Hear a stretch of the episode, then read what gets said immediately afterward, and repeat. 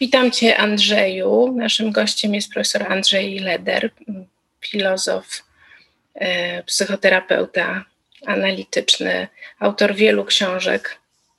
I dzisiaj spotykamy się po to, żeby wspólnie pozastanawiać się mm, nad uczuciem bezradności.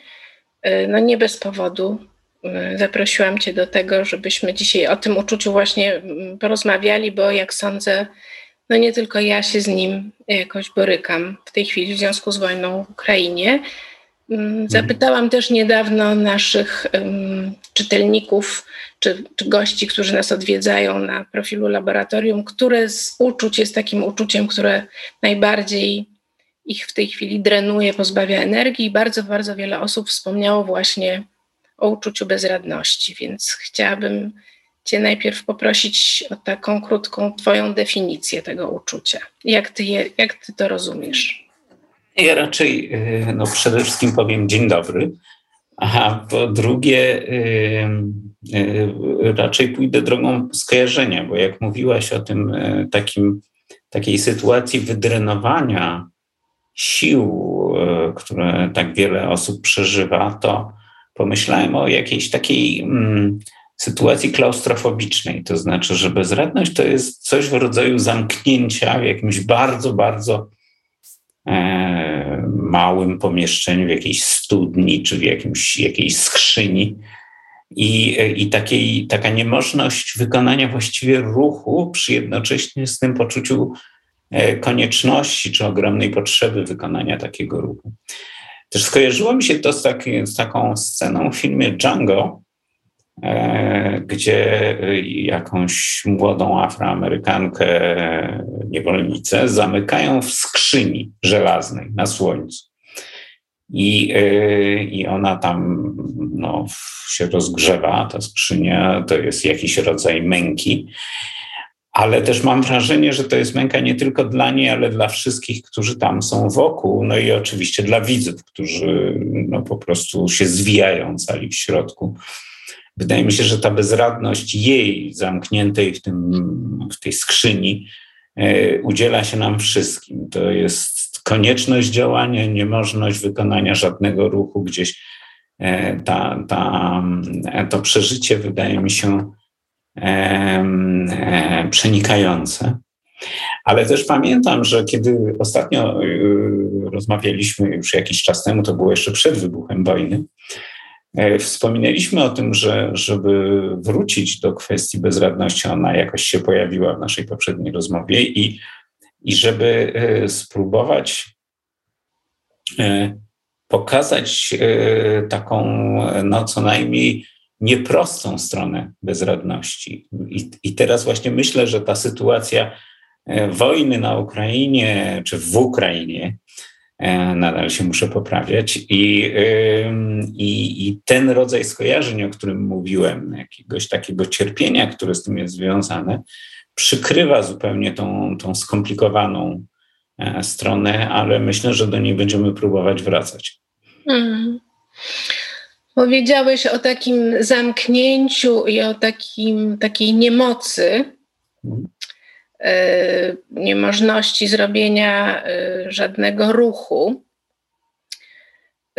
pomyślałam, że to jest jakoś bardzo subiektywne, to znaczy, że to jest w przeżyciu, prawda? Ta ocena, czy ja mogę zrobić ruch jakiś, czy też właśnie żadnego ruchu zrobić nie mogę. No bo to nie jest tak, że my wszyscy, którzy dzisiaj przeżywamy bezradność, jesteśmy rzeczywiście zamknięci w jakiejś skrzyni, ale często przeżywamy to jako taką właśnie niemoc. Jak myślisz, tak kiedy rozmawialiśmy o nadziei poprzednim razem, to ja się ciebie pytałam o narodziny nadziei, skąd ona się w nas ta możliwość przeżywania nadziei, skąd ona się bierze. A dzisiaj chcę zapytać, jak ty myślisz, na ile mm, ma znaczenie w przeżywaniu bezradności to właśnie, jaką każdy z nas ma historię. No, myślę, że to jest w ogóle jakaś fundamentalna sprawa. E, przede wszystkim tak, bezradność bardzo często wiąże się z kwestią tego, jak bardzo przywiązujemy się do własnych celów. I powiedziałbym, że im bardziej do nich się przywiązujemy, tym częściej przeżywamy poczucie bezradności. To trochę wynika z tego, że jeżeli nie możemy zrealizować tego celu, który, który wiąże się z, jakimś, z jakimś naszym sposobem patrzenia na siebie i świat, to wszelkie inne cele wydają się w ogóle niemożliwe, nieosiągalne, albo nie przychodzą nam do głowy i w związku z tym tylko ten ruch w w tę jedną stronę wydaje się no, sensowny ściana przed nami, nie ma możliwości przesuwania się. No jest ta słynna metafora, która polega na tym, żeby, że leży przed kratką ściekową jakiś człowiek, szarpie ją i krzyczy wypuśćcie mnie, wypuśćcie mnie. I, yy, I w tym sensie wydaje mi się, że, yy, że yy, często jest tak, że jeśli ktoś ma mocne parcie ku jakimś celom, z takich czy innych przyczyn, często to może być właśnie związane z historią życia tej osoby, to, y, to też y, trudno się tej osobie godzić z tym, że, e, no, że po prostu ściana i nie da się przebić tej ściany. Znów powiedziałbym, że relatywizuje y, tą taką, e, taką ironię tej sytuacji, e, znaczy ktoś, kto próbuje przepchnąć ścianę albo przebić się przez kratkę ściekową, e, sytuacja, w której, w której jesteśmy i w której na przykład jednym z ogromnie e, częstych takich odczuć jest potrzeba ukarania krzywdziciela. To znaczy dosięgnięcia tego albo tych ludzi, którzy są no, sprawcami krzywdy, nieszczęść, no, tych strasznych rzeczy, które oglądamy.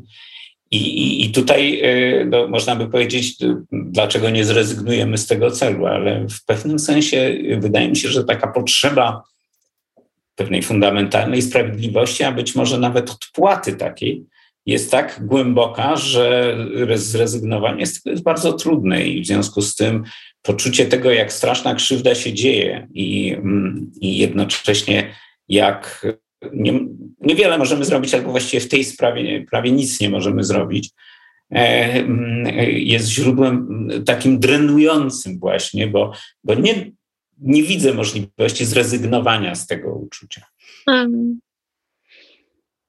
Czy ty mówisz y, po prostu o tym, że y, ani ty, ani ja, ani my tu wszyscy, którzy właśnie przeżywamy ten rodzaj bezradności, no nie, nie zatrzymamy tej wojny i nie zatrzymamy jej okropieństw i nie zatrzymamy brutalności?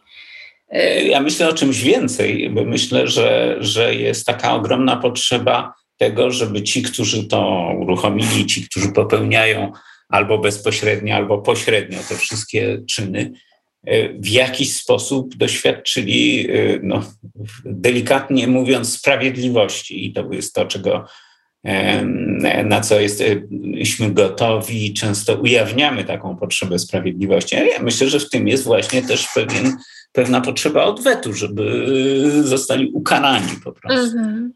I, e, I to nie chodzi tylko o zatrzymanie wojny, to chodzi o dosięgnięcie tych, którzy tą wojnę spowodowali, którzy, nie wiem, zabijają, torturują ludzi. To jest, e, wydaje mi się, e, bardzo głęboka ludzka potrzeba i ona teraz jest głęboko sfrustrowana. Mm. Jakie jeszcze inne nasze potrzeby są frustrowane, jak myślisz?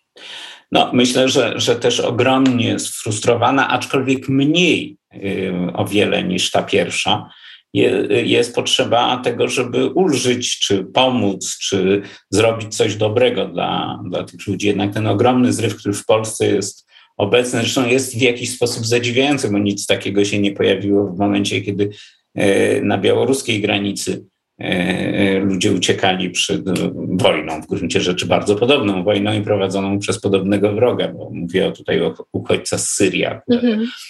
Ale, e, ale w każdym razie ten zryw jest, który dotyczy uchodźców z Ukrainy i ludzi na Ukrainie, którym się na różne sposoby pomaga, jest zdecydowanie czymś, co, co wynika z poczucia z jednej strony ogromnej potrzeby działania i często bezradności, którą się przełamuje różnego rodzaju formami działania. I to rzeczywiście wydaje mi się, się bardziej udaje. To znaczy, mamy tutaj większe mm. wachlarz możliwości. To chciałabym tutaj się przez chwilę zatrzymać, chociaż to nie będzie o bezradności, ale to jest coś, co mnie bardzo frapuje i być może ciebie też.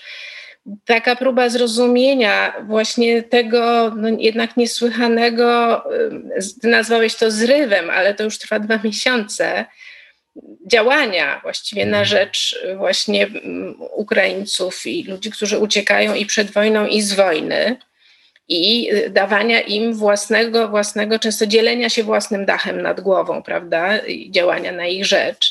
Jak, jak ty to rozumiesz? Czemu nam się to już przez dwa miesiące udaje? Poza tym, że to jest jakiś sposób radzenia sobie z tą naszą bezradnością wobec, wobec zła wojny. Mi się wydaje, że to jest bardzo istotny motyw, który, który odgrywa tu bardzo wielką rolę. E, słuchałem też wypowiedzi e, profesora Czaplińskiego, który mówił o e, takim mniej szlachetnym motywie, mianowicie tym, że mamy wspólnego wroga. Że polskie społeczeństwo jest tak doświadczone przez ostatnie wieki w gruncie rzeczy najazdów rosyjskich, że y, to, że Ukraina teraz walczy i że jest krzywdzona przez tychże Rosjan, uruchamia ogromny odruch solidarności i tego, że no po prostu mamy wspólnego wroga, więc jesteśmy przyjaciółmi.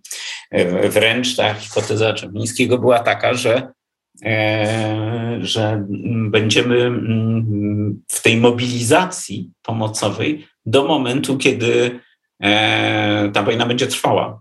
To znaczy, że, y, że jej głównym napędem jest właśnie pewnego rodzaju wrogość wobec, y, wobec Rosji. Mm-hmm. Która na przykład przykryła różne negatywne emocje, które wielu Polaków ma w stosunku do Ukraińców, bo przecież wiemy, że, że tutaj y, jest bardzo dużo kontrowersji. Jest jeszcze inna hipoteza, wydaje mi się, że ona jest istotna, mianowicie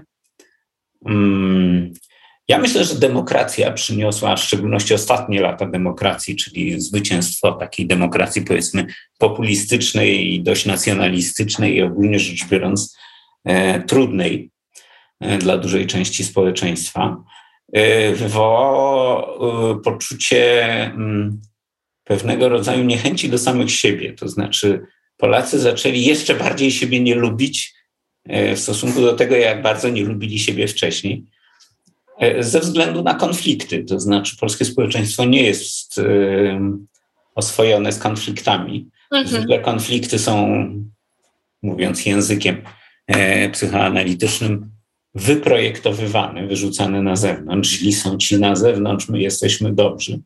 A tu nagle okazało się, że połowa z nas y, jest y, no, naszymi wrogami w zasadzie politycznymi. Mm. I to dla obu stron tego konfliktu. Tak, mówisz o takiej polaryzacji ogromnej, która. No, ostat... w ciągu ostatnich lat, w okresie rządów PiS, y, się bardzo silnie pojawiła czy zaostrzyła. Mm-hmm. I, I wydaje mi się, że jednym z, jedną z konsekwencji no, tego słynnego nie można zjeść kolacji świątecznej, bo się pokłócą wszyscy, jest, y, jest takie poczucie, że coś z nami jest nie tak, mhm. że to jest coś nie, nieprawidłowego.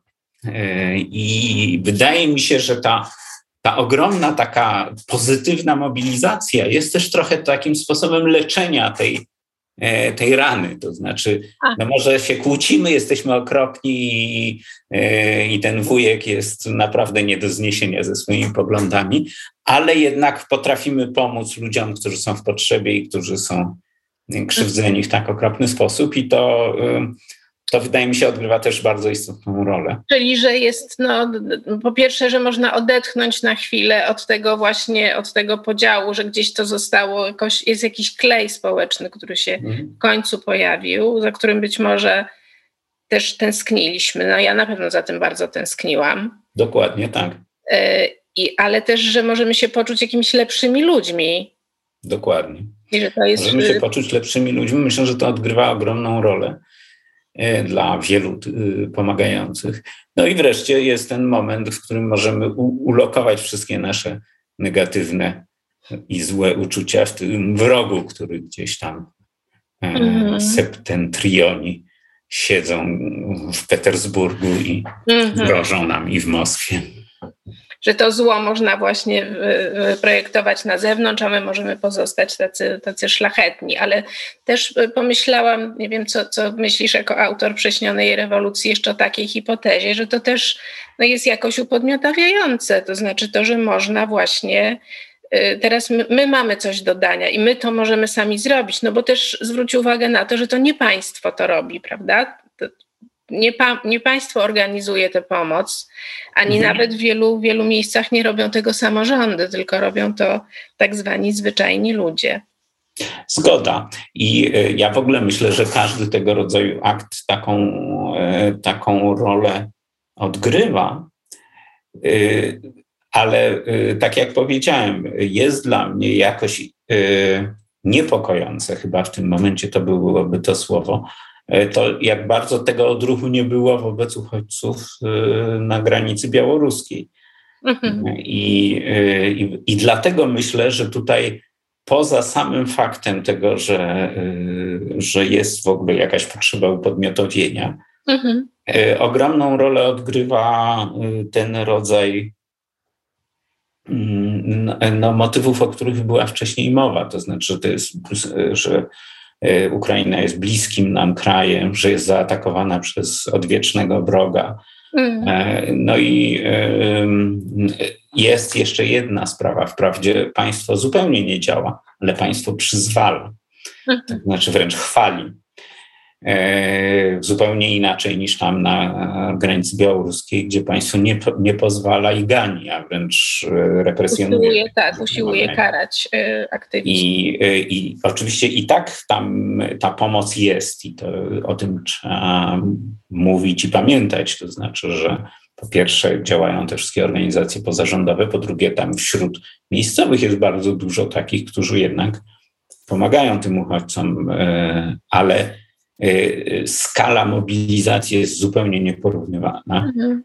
I dla mnie to też jest trochę niepokojące, do jakiego stopnia dyskurs władzy wpływa y, czy toruje tego rodzaju zachowania. Dlatego tutaj z tym upodmiotowieniem jestem dość ostrożny. Okej. Okay. To zapytam Cię jeszcze o inny wątek. Przyszło mi do głowy, że bezradność, którą tak no, przeżywamy, że bezradność wobec, wobec zła, wobec okrucieństwa jest też taką bezradnością wobec kruchości życia, że my, że to, no, ta wojna bardzo mocno nas konfrontuje z tym, jakie życie jest właśnie kruche, delikatne i właściwie jest takim czymś ulotnym. Ja wciąż nie mogę jakoś się zgodzić na, na to, że wiesz, że się, że tam wciąż giną ludzie i że codziennie się dowiadujemy o kolejnych ofiarach i że jest mowa o tym, że coś zostało zdobyte albo coś zostało gdzieś zwyciężone, mm, bo, bo wciąż to oznacza, że iluś tam ludzi zginęło i że być może to jest też jakiś kawałek tej historii. Mm, no, że to, prawda, nie... chociaż co myślisz? To znaczy, ja się zgadzam, a jednocześnie myślę sobie, że to jest powrót czegoś, co było zawsze. I tylko na pewien czas żeśmy wyegzorcyzmowali ten, ten rodzaj świadomości mm, z naszego kręgu, e, przede wszystkim kulturowego, mhm. E, do którego aspirowaliśmy i nawet udało nam się e, z nim do niego podłączyć. To znaczy, mówię o tym, że świadomość stałego zagrożenia e, wojną po prostu, to jest e, świadomość, która e, w Europie była faktycznie do 1945 roku częścią, no powiedziałbym, edukacji podstawowej, kulturowej, pewną częścią dziedzictwa. Mężczyźni byli wychowywani do tego, żeby służyć wojsku i złożyć życie na ołtarzu ojczyzny. I to niezależnie, czy to była Polska, czy to była e, Francja, czy to były Niemcy, to były, e, już nie mówiąc o Rosji, e, to to były podstawowe takie kanony. Mhm. Jeszcze bardzo niedawno przecież było tak, że to było naturalne, naturalny sposób myślenia o życiu.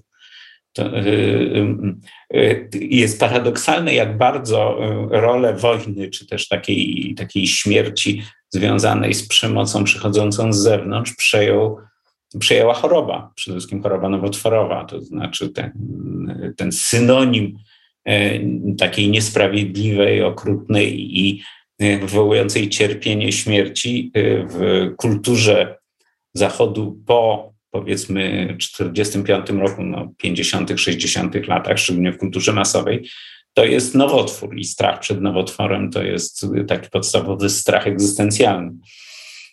Ale myślę, że właśnie y, doświadczamy tego, że tamten y, i strach, i myślenie o tym, że to jest część życia, y, wraca. To znaczy, że udało nam się na kilkadziesiąt lat wyegzorcyzmować wojnę z Europy. Zresztą nie do końca, bo przecież była wojna w Jugosławii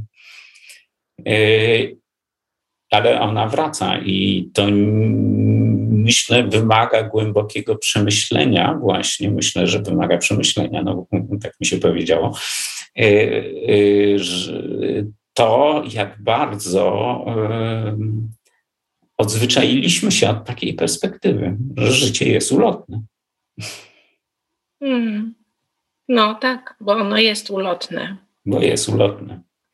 I ta, I ta omnipotencja, i ta takie poczucie wszechmocy, prawda? I że jak się bardzo postawi. Tak, i poczucie jednak nieśmiertelności. To znaczy, mimo tego, że, że ten, e, ta niesprawiedliwa śmierć została umieszczona w chorobie, w nowotworze, mhm. E, to jednak e, poczucie bezpieczeństwa w, w, w życiu, no powiedzmy, Europejczyków i Amerykanów z Ameryki Północnej, no, krótko mówiąc, E, tego kręgu kulturowego jest, e, jest nadal ogromny. I ja myślę, że stąd ten szok, kiedy widzimy no, ludzi, którzy w zasadzie są zupełnie podobni do nas i którzy w końcu tutaj w ogromnej ilości przyjeżdżali i pracowali, nawet jeżeli pracowali e, w miejscach i na stanowiskach trochę słabszych. Mhm. O, I nagle oni są po prostu zabijani. No to jest po prostu taka rzecz, którą nam jest w ogóle trudno dopuścić jako mhm. coś, co może się dziać. Tak, to często słyszę z ust różnych młodych ludzi, którzy mówią: No przecież to już miało tego nie być. To się mhm. już miało nigdy nie wydarzyć, a teraz jesteśmy konfrontowani z tym, że nigdy nie można mieć takiej pewności, że to się nie wydarzy. Zresztą w jednej z naszych poprzednich rozmów sam wspominałeś o tym, że E, no, że jest bardzo prawdopodobne, że różne wstrząsy tego typu e, nastąpią. Ale teraz chcę Cię zapytać, jak Ty widzisz, jako psychoterapeuta, jak Ty widzisz sposoby, za pomocą których my sobie z tą bezradnością jakoś możemy radzić? Czy my tu w ogóle mamy jakiś manewr? Czy tutaj cokolwiek od nas zależy w tej kwestii? Jak ty o tym myślisz? No, myślę, że my sobie bez przerwy radzimy z bezradnością, to znaczy, że ogromna um, część różnych mechanizmów obronnych, którymi się posługujemy, yy, chroni nas przed głębokim doświadczeniem bezradności. Yy, rozmawialiśmy przedtem o sytuacji na dworcu E, e, gdzie, mm, gdzie młodzi ludzie e, natychmiast weszli w sytuację działania. Tak, rozmawialiśmy przed naszą rozmową tutaj online. Wspominałam, że, że, że, że byłam na dworcu jako wolontariuszka i że zrobiło na mnie wrażenie, że tam było mnóstwo młodych ludzi, którzy właśnie byli w takim działaniu. I oczywiście to ma, jest niezwykle konstruktywne i bardzo Dobrze, że tak się stało, ale na pewno to jest e, też sposób e, na to, żeby poradzić sobie z e, takim przytłaczającym poczuciem bezradności, o którym mówiliśmy. I myślę też, że w wielu innych sprawach to się pojawiło. Katastrofa klimatyczna i to, jak bardzo młodzi ludzie właśnie zareagowali taką mobilizacją.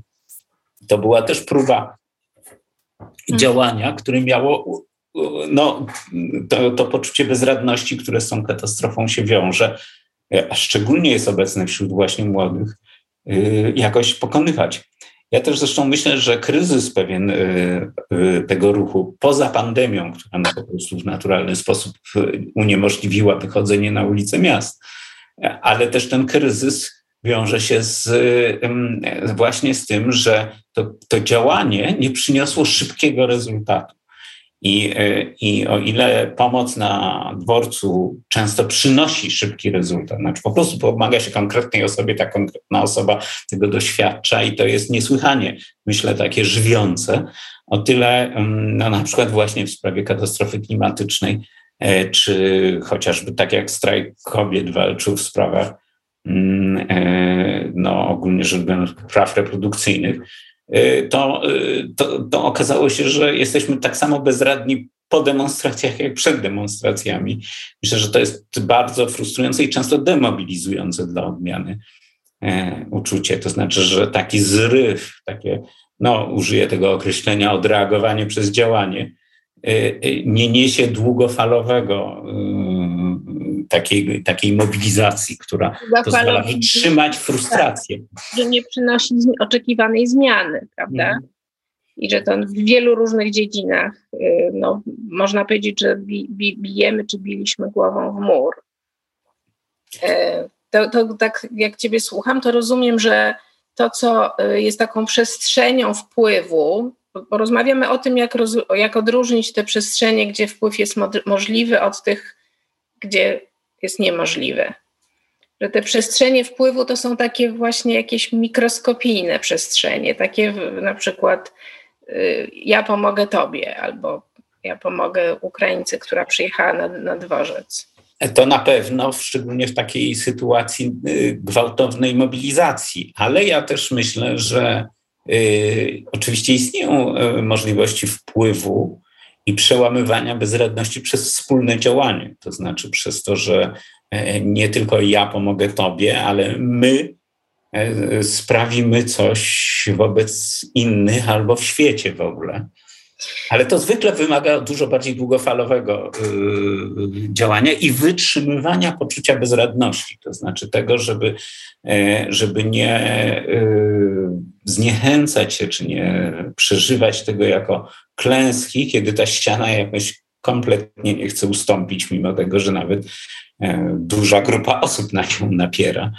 Mm. To, jest, e, to jest, myślę, dzisiaj bardzo trudne. To znaczy, bardzo wiele osób nie znosi tej, tej, tej sytuacji i po prostu przeżywa to zbyt boleśnie, to poczucie bezradności. Ono często też zresztą wywołuje agresję, więc ja myślę, że apokaliptyczne kłótnie wśród różnych zmieniaczy świata, e, a e, tego jest bardzo wiele, szczególnie wśród młodych zmieniaczy świata, to znaczy to, że oni strasznie się między sobą też kłócą, z tym się wiąże. To znaczy, że poczucie bezradności i taka, taka trudność w tym, żeby sobie z nim radzić, powoduje, że wyładowują ten, ten gniew na mhm. najbliższych, czyli właśnie tych, którzy są też często im ideowo bardzo bliscy.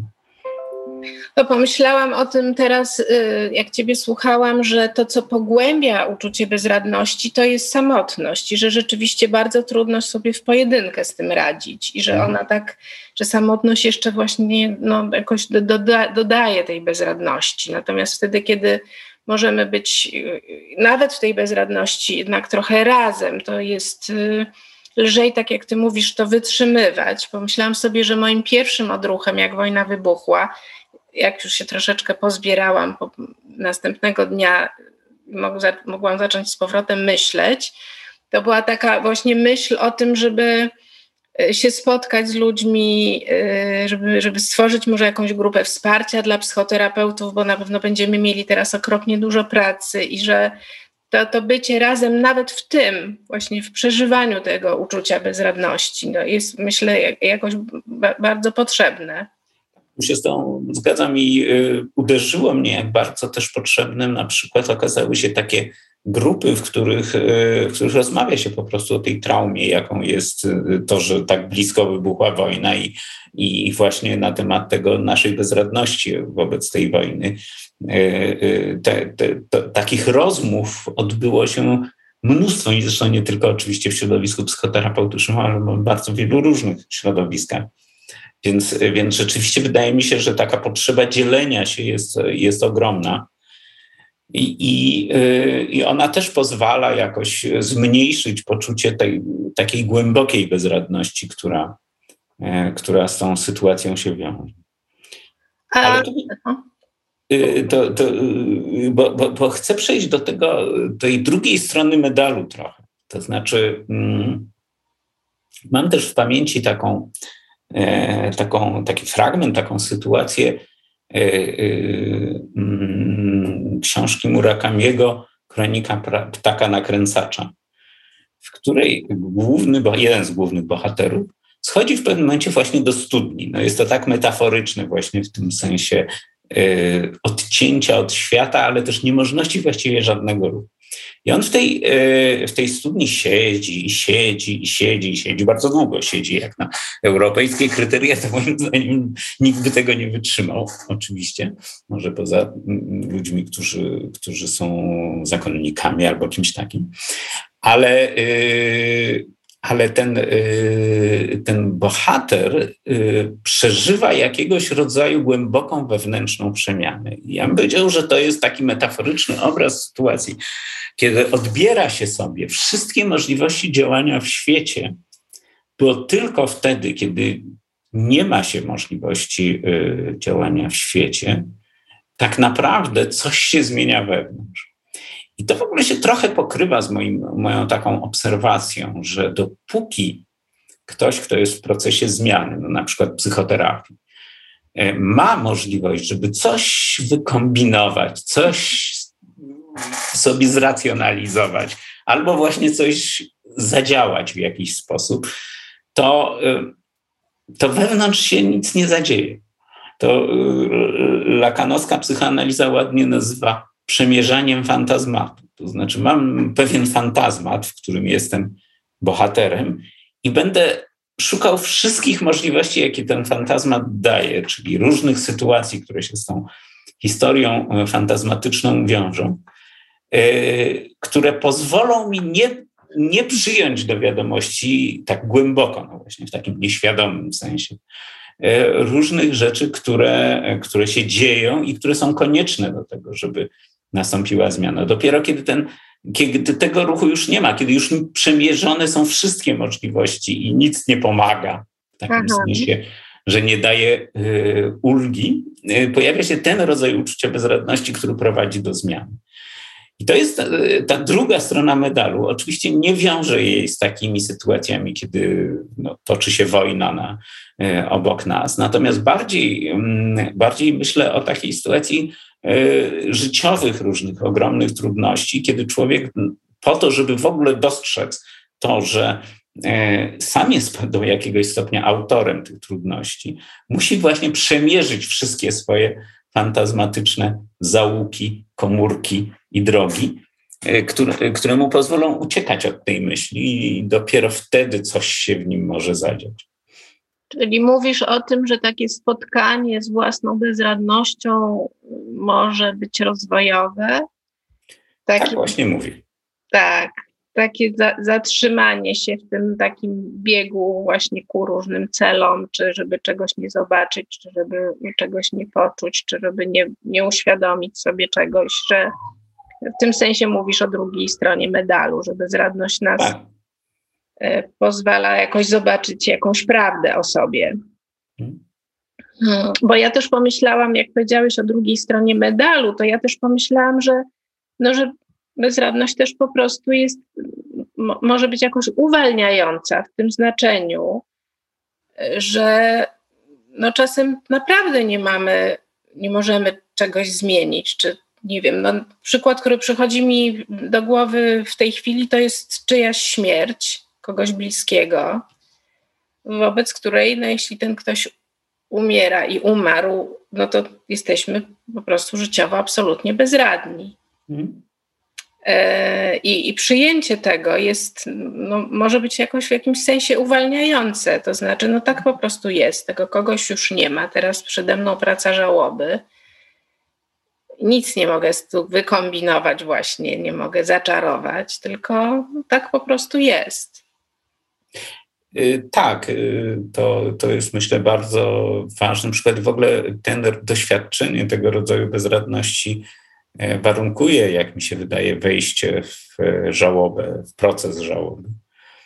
E, ja bym zresztą te dwie myśli powiązał, to znaczy moim zdaniem właśnie ten, ten moment, kiedy doświadcza się rzeczywistej bezradności, jest momentem, który z jednej strony otwiera możliwość zmiany, a z drugiej strony uwalnia od takiego przymusu no, ciągłego brania na siebie i biegania w kółko i E, niegodzenia się i tak dalej, i tak dalej. E, więc w tym sensie to jest gdzieś jedno z drugim bardzo mm. mocno powiązane. No tak, no bo czasami rzeczywiście sprawy są po prostu rozstrzygnięte i, i mm. trzeba to jakoś uznać. Sztuka pewnie polega na tym, żeby jakoś też umieć odróżniać, które to są te sprawy, które są rozstrzygnięte, a które to są te sprawy, w których coś możemy zdziałać, no bo też jest coś takiego jak wyuczona bezradność, mhm. o czym powstało wiele książek i nieetycznych eksperymentów. Mhm.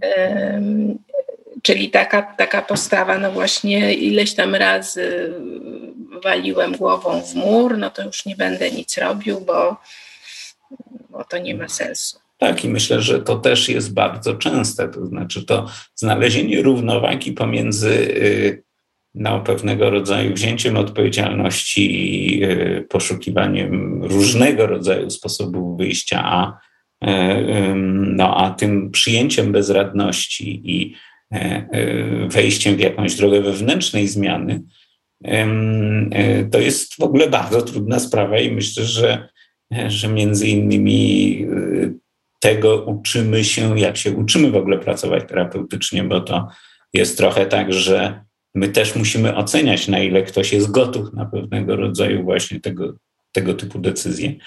Natomiast, y, natomiast na szczęście to i tak się dzieje często zupełnie samo i nie musimy tej, my tej decyzji podejmować. Jesteśmy tutaj do jakiegoś stopnia konstruktywnie bezradni. Ale ja bym wyuczonej bezradności zupełnie nie utożsamiał z bezradnością w tym sensie, o którym mówimy. To znaczy, mhm. to jest tak naprawdę pewnego rodzaju strategia społeczna, która wcale nie jest bezradna, to znaczy to jest bardzo twarda i czasami konieczna w różnych społecznych warunkach e, e, strategia, ale to jest strategia, to jest sposób działania. A powiedz trochę więcej o tym. No, myślę, że to też. No, ja myślę, że po prostu, że takie społeczności, które na różne sposoby doświadczyły właśnie pozbawienia podmiotowości, e, no, w Polsce to jest chociażby tradycja pańszczyzny, w Stanach Zjednoczonych Afroamerykanie, którzy doświadczyli niewolnictwa, e, nauczyli się e, tak działać, żeby nie brać za nic odpowiedzialności, ponieważ każde wzięcie odpowiedzialności jest zagrażające. Nasz prawie na pewno zostanie się ukarany za wzięcia odpowiedzialności. W związku z tym mają milion strategii przedstawiciele tych społeczności, które pozwalają im pokazywać tym, którzy od nich żądają czegokolwiek, że są po prostu bezradni.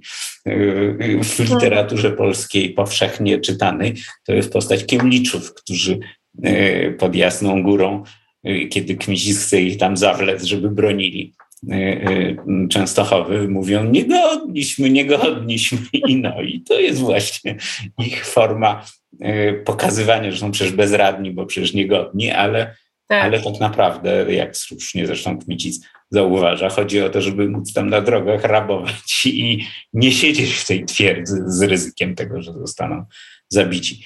I, i, myślę, że, że, że to oczywiście jest jakiś skrajny przykład, ale tego rodzaju drobnych e, strategii unikania e, odpowiedzialności i, i okazywania bezradności e, różnego rodzaju takie społeczności mają mnóstwo. To teraz zerknę tutaj na nasz profil i zobaczę, czy są jakieś do Ciebie pytania, bo tak może się zdarzyć. Jest bardzo wiele komentarzy i witają Ciebie z, z różnych O, widzisz, 28 minut temu pan Paweł poprosił, żebyśmy powiedzieli coś o wyuczonej bezradności. Więc spełniliśmy jego prośbę. Mm. Mm.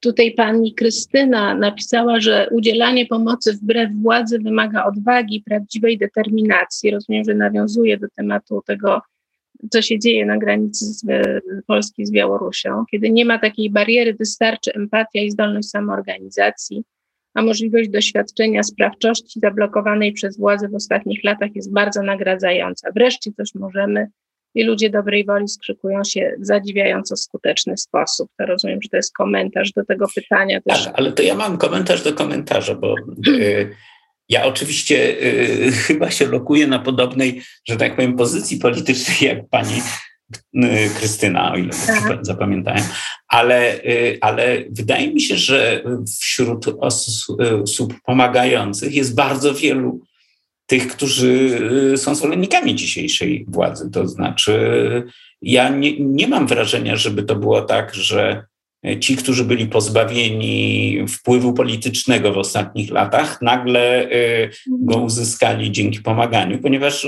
również uzyskali go ci, którzy y, wreszcie poczuli się u siebie w domu dzięki temu, że, że rządzi w tym kraju Prawo i Sprawiedliwość. I, i, I to jakoś przebiega ta chęć pomocy ponad podziałami. Mhm. Tak, tak, ja też e, myślę podobnie, tak jak wspominaliśmy wcześniej, że to, że na chwilę można, ja nie wiem, czy zapomnieć, że zapomnieć o tym nie można, ale że ta polaryzacja przestała być taka właśnie, taka jak nożem, prawda, rozciął na, na pół. E, że, że na tymże dworcu, o którym wspominałam, naprawdę pojawiali się bardzo różni ludzie o bardzo różnych poglądach politycznych, których nie kryli, ale widać było, że nawet im samym przynosi pewną ulgę to, że właśnie można coś zrobić razem. I jak y, policjanci z anarchistami sobie podawali rękę i się tak do siebie uśmiechali, puszczali oko, no to myślę, że wszystkim, wszyscy odczuwali pewien rodzaj ulgi. Zdecydowanie. Wydaje tak, mi się, że to było bardzo istotnym motywem e, no właśnie siły tej mobilizacji. Hmm. E, tu jest takie pytanie mm, do nas, że mm, co zrobić z bezradnością wobec tego, co się dzieje w Mariupolu. Rozumiem, że to jest takie pytanie o naszą postawę wobec zła. Prawda? Właściwie od tego trochę zaczęliśmy, to znaczy ja myślę, że to jest aktualnie, ale w ogóle myślę historycznie też jeden z najgorszych rodzajów e, bezradności, to znaczy ta, ta, ta zupełna niemożność y, zrobienia czegoś y, wobec ludzi, którzy robią coś złego i wobec cierpienia tych, którzy tego zła doświadczają. Y, bardzo mi pasuje, czy, czy, czy przekonuje mnie to, to, to, ta metafora wyssanych sił. To jest takie coś, co wysysa siły, bo też myślę, że że gniew w tym momencie jest głównym źródłem energii i że jeżeli tego gniewu nie da się jakoś wyrazić, to, to, to, to jest takie bardzo osłabiające doświadczenie. Ja też myślę, że, że tak bardzo konkretnie już mówiąc, to, to dla mnie tutaj e, e, jakoś ja się czuję zobowiązany, bo tak trudno mi to uogólnić, do tego, żeby wywierać y, jak największą presję na wszystkich, y, którzy mają coś do powiedzenia, czyli są tak naprawdę politykami będącymi przedstawicielami mhm. nas jako społeczeństw, do tego, żeby podejmowali decyzje, które będą no, jakoś doprowadzać i do końca tej wojny, ale też do ukarania tych, którzy, którzy są winni zbrodni. I, i widać, że ci politycy tak się do tego strasznie nie palą, ale myślę, że wpływ społeczeństw jest pewien. To znaczy, no to kolejny raz było tak, że kiedy ujawniono naprawdę straszne zbrodnie, to politycy się natychmiast dużo bardziej zmobilizowali niż byli zmobilizowani wcześniej. Tak, można powiedzieć, że to też jest coś nowego, czego od dawna nie widzieliśmy, prawda? Że jakiś rodzaj presji jednak na polityków ma sens i że po tej drugiej stronie przestaliśmy widzieć to, co ja nazywam still face, trochę idąc za eksperymentem Tronika, to znaczy, że co jest jednak taką takim strasznym doświadczeniem, prawda, że właśnie no coś próbujesz, próbujesz, a po drugiej stronie jest po prostu człowiek za matową szybą. Ale tutaj mhm. widać było, że w tym akurat przypadku rzeczywiście polityków to jakoś te, te pres, ta presja społeczna polityków z różnych, z różnych krajów i w różnych miejscach i z różnych orientacji to mobilizowało. No ale oczywiście pytanie, e, na, na, no jak, jak, jak, jak długo i jak głęboko. Tak.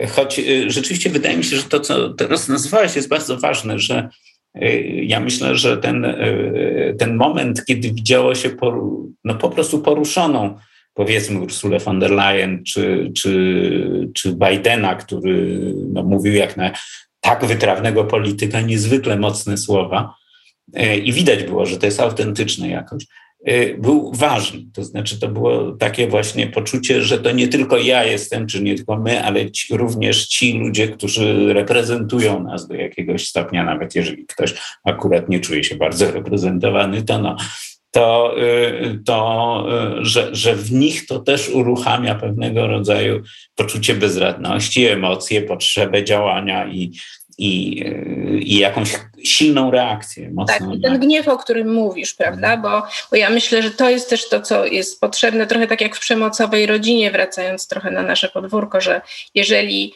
w rodzinie się dzieją straszne rzeczy, ale ktoś, kto jest na zewnątrz, mówi stop, to się, to się nie może dziać, to jest złe, no to wtedy, prawda, jest jednak jakoś łatwiej właśnie znosić tę bezradność. Ja mm, oglądałam przemówienie Scholza w, w Bundestagu wtedy, kiedy on w, po prostu podjął decyzję o zmianie doktryny Niemiec. No i y, naprawdę wtedy mi to jakoś przyniosło wielką ulgę. Chociaż to były tylko słowa, prawda? Możemy się zastanawiać, na ile dzisiaj słowa w ogóle cokolwiek zmieniają, ale to, że on właśnie no, podjął taką decyzję. Ja też myślę, że ta stosunkowo silna reakcja, bo przecież znowu wróćmy do tego, że jeszcze niedawna armia rosyjska rozbijała Syrię w bardzo podobny sposób i, i y, kolejne miasta syryjskie były równane z ziemią praktycznie rzecz biorąc. Że ta reakcja to jest y, nagłe uzmysłowienie sobie tego, że wojna wróciła do nas, tak. to znaczy do Europy. I, I to w takiej skali, to znaczy, bo tak zastanawiałem się nad różnicą y, wobec wojny w Jugosławii. I, y, I myślę, że to było trochę tak, że jednak y, następowała taka mentalna bałkanizacja tamtej wojny. To znaczy, o, oni na tych Bałkanach zawsze te małe narody się wyżynają wzajemnie. A mhm. tutaj to jest jednak imperium atomowe, które najeżdża swojego sąsiada. I, I, w tym sensie wydaje mi się, że y, w, tym, w, tej reakcji jest właśnie takie przerażenie i bezradność, że to wróciło. To znaczy, mhm. że coś, co wydawało się jest już zupełnie odpędzone i wyegzorcyzmowane, y, znowu pojawiło się na naszym progu. I, i, te, ta, ta, ta, siła tej reakcji tutaj wydaje mi się w ten sposób daje, można ją wytłumaczyć. Jeszcze może na koniec, bo, bo, kończy nam się pomału czas, jeszcze na koniec y, pomyślałam, że warto powiedzieć też o reakcji y, Ukraińców. To znaczy, że no właśnie najechał no jednak na stosunkowo niewielki kraj w porównaniu z krajem najeźdźcy. Prawda? No, proporcje pomiędzy tymi krajami są jednak z, z, znaczne. W sensie no, Rosja jest o wiele większym, no jest mocarstwem, czy uważana jest za mocarstwo, że wielki kraj najeżdża mniejszy, mniejszy kraj, tak? E, I ten mniejszy kraj mówi, to nie będzie takie łatwe, my się nie, my się nie damy. Czyli, że też, no właśnie, mogliby zareagować jakimś rodzajem bezradności, przerażenia, prawda? Natomiast to, w jaki sposób, e, przynajmniej my się dowiadujemy o tej reakcji, no bo to pewnie też jest osobna historia, ale też jest takim przykładem jakiegoś hartu i właśnie tak, bezradności, prawda? Niesłychane i y, tak jak w 2014 roku, kiedy y, y, no, zajęto Krym, znaczy y, Rosjanie zajęli Krym i zajęli te y, fragmenty republik, y, czy właściwie regionów Ługańskiego i Donieckiego, wtedy ten, ten, ten duch oporu był dużo mniejszy. Tak naprawdę Ukrainie było bardzo trudno. Ja myślę, że, że to doświadczenie ich niesłychanie immunizowało. To znaczy, oni już wiedzą, że to jest, że to wróciło tak jak, e, tak jak my dopiero teraz się dowiadujemy, a jeszcze jest pytanie, na ile przyjmiemy to właśnie do wiadomości, to oni to już wiedzą. Mhm. I, e, I myślę, że tak jak wielokrotnie e, różne, różni przedstawiciele Ukrainy mówili, dla nas to nie było zaskoczenie, bo my to mamy już od tych sześciu lat praktycznie rzecz biorąc, czy ośmiu lat wręcz. Mhm. I, I że w międzyczasie tam powstała niesłychanie silna właśnie taka tożsamość. I to też jest zadziwiające, właśnie to upodmiotowienie. Ja bym powiedział narodu politycznego, to znaczy w takim sensie, że to nie jest naród, który ma oczywiste etniczne korzenie. Tak jak Polacy są niesłychanie jednolici etnicznie, tak Ukraińcy są e, niesłychanie pomieszani. Zachodnia Ukraina to są ci Ukraińcy, powiedzmy, tacy e, z cesarsko-habsburskiej monarchii. E, wschodnia Ukraina to w ogóle chyba nie są Ukraińcy, tylko jakaś ludność przemieszczona w okresie stalinowskim. Do tego są ci Tatarzy, Żydzi, no mnóstwo różnych etnii. I mhm. Żeleński, który jest żydowskiego pochodzenia, czy po prostu jest Żydem, to jest, to jest a mimo to ci wszyscy ludzie aktualnie mają, a w każdym razie ogromna większość i też ich przedstawiciele, merowie tych różnych miast, wśród których przejście na stronę rosyjską jest rzadkością. Mhm. Mają postawę, my jesteśmy obywatelami Ukrainy. My chcemy być w tym, w tym państwie, w, tym, w, tym, w tej społeczności, w tym społeczeństwie. I i, I to jest jakiś cud, który się tam dokonał. To jest bardzo dziwna historia.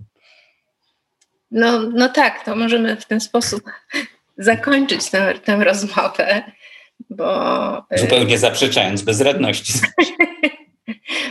Jak miło jest zaprzeczyć bezradności, prawda? Chociaż, chociaż, na, chociaż na chwilę, bo jednak na co dzień jesteśmy bardzo w niej zanurzeni. Bardzo, bardzo Ci, Andrzeju, dziękuję za te wszystkie Twoje myśli za to, że się tutaj... Dziękuję Ci za zaproszenie i Twoje myśli, które y, myśl popycha myśl. To jest najprzyjemniejszy rodzaj rozmowy.